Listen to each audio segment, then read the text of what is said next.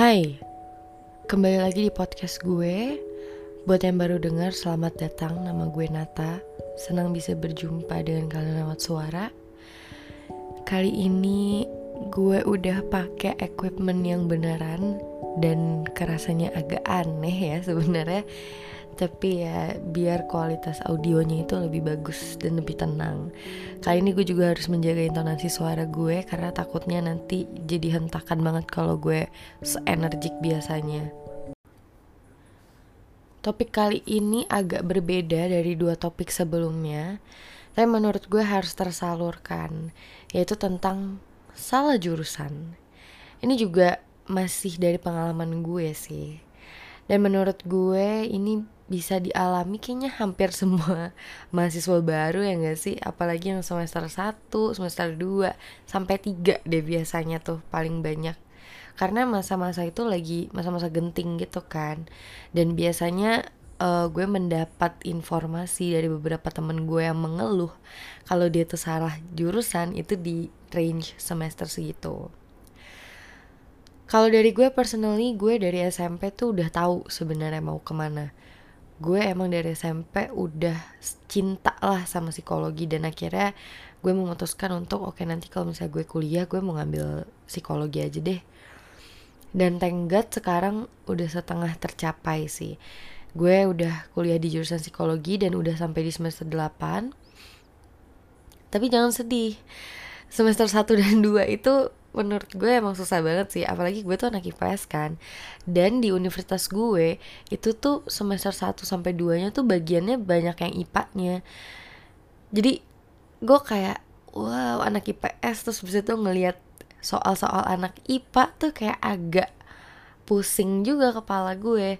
Tambah lagi ada statistik kan mati banget. Gue tuh nggak bisa banget MTK gue nggak bisa ngitung-ngitung. Ya kalau gue boleh jujur gue aja tuh masih pakai jari cuy. Jadi kebayangkan lo gue suruh ngitung statistik tuh jadi kayak zonkers gitu.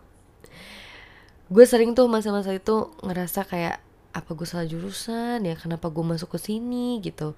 Tapi gue tuh pengen ini dari SMP gitu kan.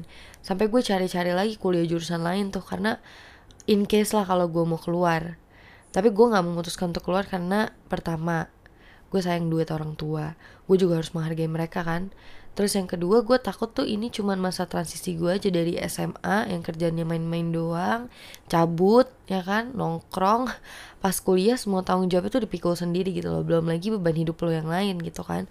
Apalagi kalau endingnya lo kan LDR sama pacar lo pada makin kayak seakan-akan dunia tuh menimpa lo gitu jadi gue tetap jalanin aja walaupun ada beberapa matkul yang gue jadinya ngulang karena gue itu susah untuk ngerti. Sampai semester 5 aja gue tuh masih ngerasa nih kenapa berat banget ya kuliah psikologi ya gitu. Gue sama kayak aduh Tuhan kenapa ya kayak gini? Gitu kan. Ini mah namanya mental gue dikoyak-koyak gitu. Tapi nyokap gue tuh emang sabar banget jadi dia tuh nggak pernah berhenti ngingetin gue kalau setiap jalan itu udah disediain sama Tuhan. Dan pasti emang ada tujuannya sampai akhirnya di kampus gue tuh semester 6 ada pecahan jurusan lagi. Jadi ada Pio, klinis, pendidikan sama sosial. Pio tuh industri organisasi. Jelas gue ngambilnya sosial. Karena gue lebih bisa explore di situ dari segi diri gue sendiri sampai pelajarannya. Terus pelajarannya juga menurut gue lebih asik dan lebih real gitu loh. Dan gue tipe anak yang bisanya tuh turun langsung ke lapangan jadi gue suka gue ngambil sosial. Nah singkat cerita semester 6 nih gue ngambil salah satu MKU MKU tuh mata kuliah umum di psikologi. Kayak di universitas lain juga ada ya harusnya. Jadi kalau di universitas gue tuh harus wajib ngambil tiga biar lo bisa skripsi gitu. Nah salah satunya gue ngambil mata kuliah yang namanya child abuse. Selama kelas itu tuh gue nggak ada temennya karena geng-geng gue tuh semua pada ngambil yang lain, pada nggak tertarik child abuse. Jadi gue bener-bener sendirian di situ.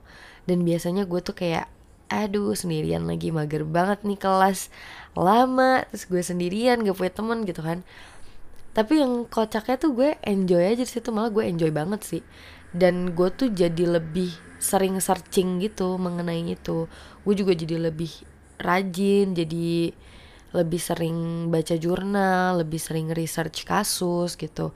Karena uh, dosen gue di mata kuliah itu juga dibilang cukup kritis jadi gue juga knowledge-nya harus banyak nggak bisa di situ doang. Sampai kira gue tahu kayak oke kayaknya ini gue interestnya di sini nih di ranah ini gitu. Tapi di situ pun gue tuh tetap bingung kayak kenapa ya Tuhan taruh gue di sini di jurusan ini? Karena gue masih ngerasa kayak ini ntar jadi apa ya gue? Gue berguna nggak ya buat orang? Gitu. Terus tahun 2019 tuh tahun di mana gue tuh dapat pelajaran banyak banget. Dan tahun di mana kayaknya hampir satu tahun penuh gue tuh isinya beauty class sama talk show dan ke kampus-kampus untuk share mengenai basic knowledge-nya sih kok ya sebenarnya kurang lebih kayak mengenai diri sendiri sih kayak self acceptance, self love dan lainnya. Cuma gue enjoy banget, memang enjoy banget pernah beberapa kali juga gue ditaruh untuk buka kelas dan talk show di sekolah-sekolah. Dan itu gue happy banget tuh di situ benar happy banget. Terus gue juga jadi lebih dekat sama anak-anaknya gue jadi tahu permasalahan pendidikan di Indonesia itu apa aja sih sebenarnya gitu. Terus gue juga jadi lebih nambah banyak ilmu sih tapi gue bisa mengaplikasikan nilai-nilai dasar psikologi di pekerjaan gue itu. Kayak empati lah simpati lah entah gue bisa tiba-tiba memaklumi orang kalau orang ada yang berseteru dengan gue dan banyak hal lainnya. Gue akhirnya ngerasa kayak dengan gue di psiko ini kayaknya ini ngebantu pekerjaan gue walaupun ya pasti ada lah capeknya stresnya gitu kan.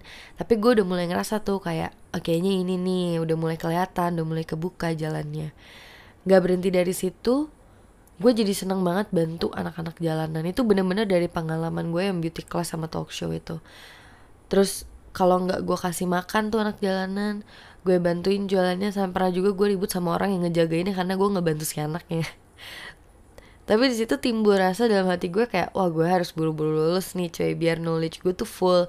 Jadi gue bisa bantu pendidikan anak-anak Indonesia. Gue bisa lebih merangkul anak-anak jalanan gitu. Gue juga bisa jaga emosional anak-anak remaja akhir yang mau masuk ke dewa dewasa muda gitu. Di situ gue baru nggak kayak oh Tuhan tuh mau pakai gue di sini. Inilah kenapa gue diizinkan dan direstui untuk masuk ke jurusan ini. Tuh mulai banget tuh kelihatan jalannya kayak mulus aja gitu. Dan itu setelah berapa tahun tuh berarti gue kuliah. Pokoknya baru semester 6 aja kelihatannya.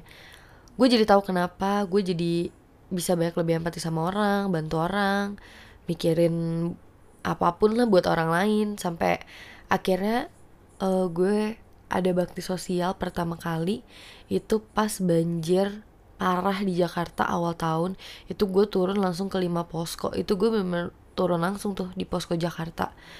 Gue kasih sembako ngobrol-ngobrol dan lainnya. Jadi gue juga bisa tahu banyak gitu oh kalau ada bencana tuh yang harus dilakukan ini ini ini ini yang rugi ini ini ini gitu. Nambah knowledge lagi lah buat gue. Gue ngerasa setelah gue melakukan bakti sosial itu ya gue ngerasa wah di sini nih Tuhan makai gue untuk menyalurkan berkat ke orang lain gitu untuk bisa bantu orang lain di saat mungkin gak ada yang bisa bantu orang-orang itu. Gitu. Terus ya udah kira gue nyadar dan gue kayak oh ternyata ini toh walaupun waktunya tuh lama ya nggak instan gitu.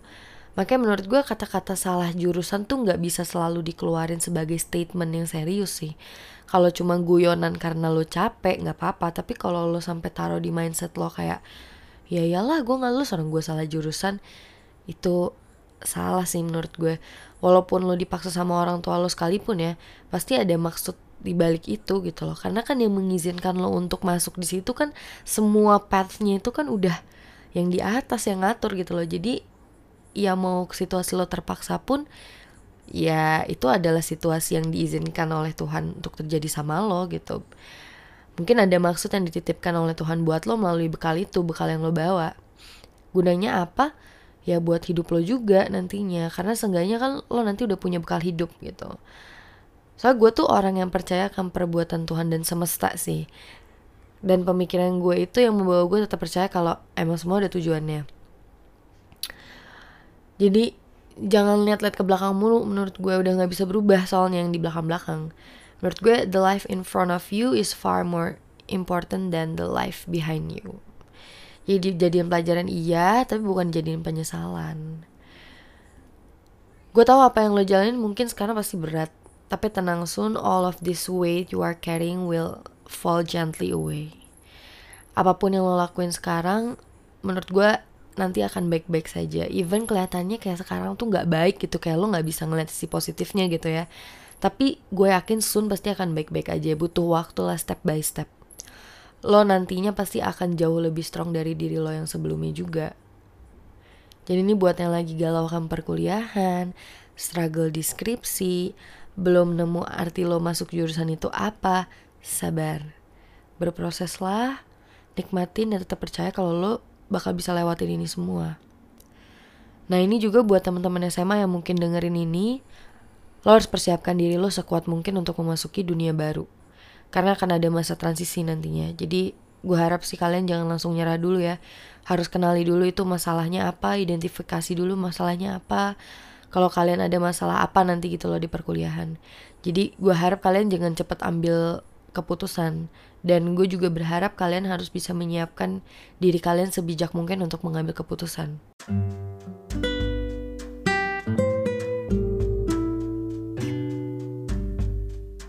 Thank you yang udah denger podcast gue sampai sini. Seperti biasa, buat yang mau cerita-cerita, kalian bisa DM gue di Instagram. Siapa tahu nanti cerita kalian akan gue bawa ke perbincangan podcast selanjutnya.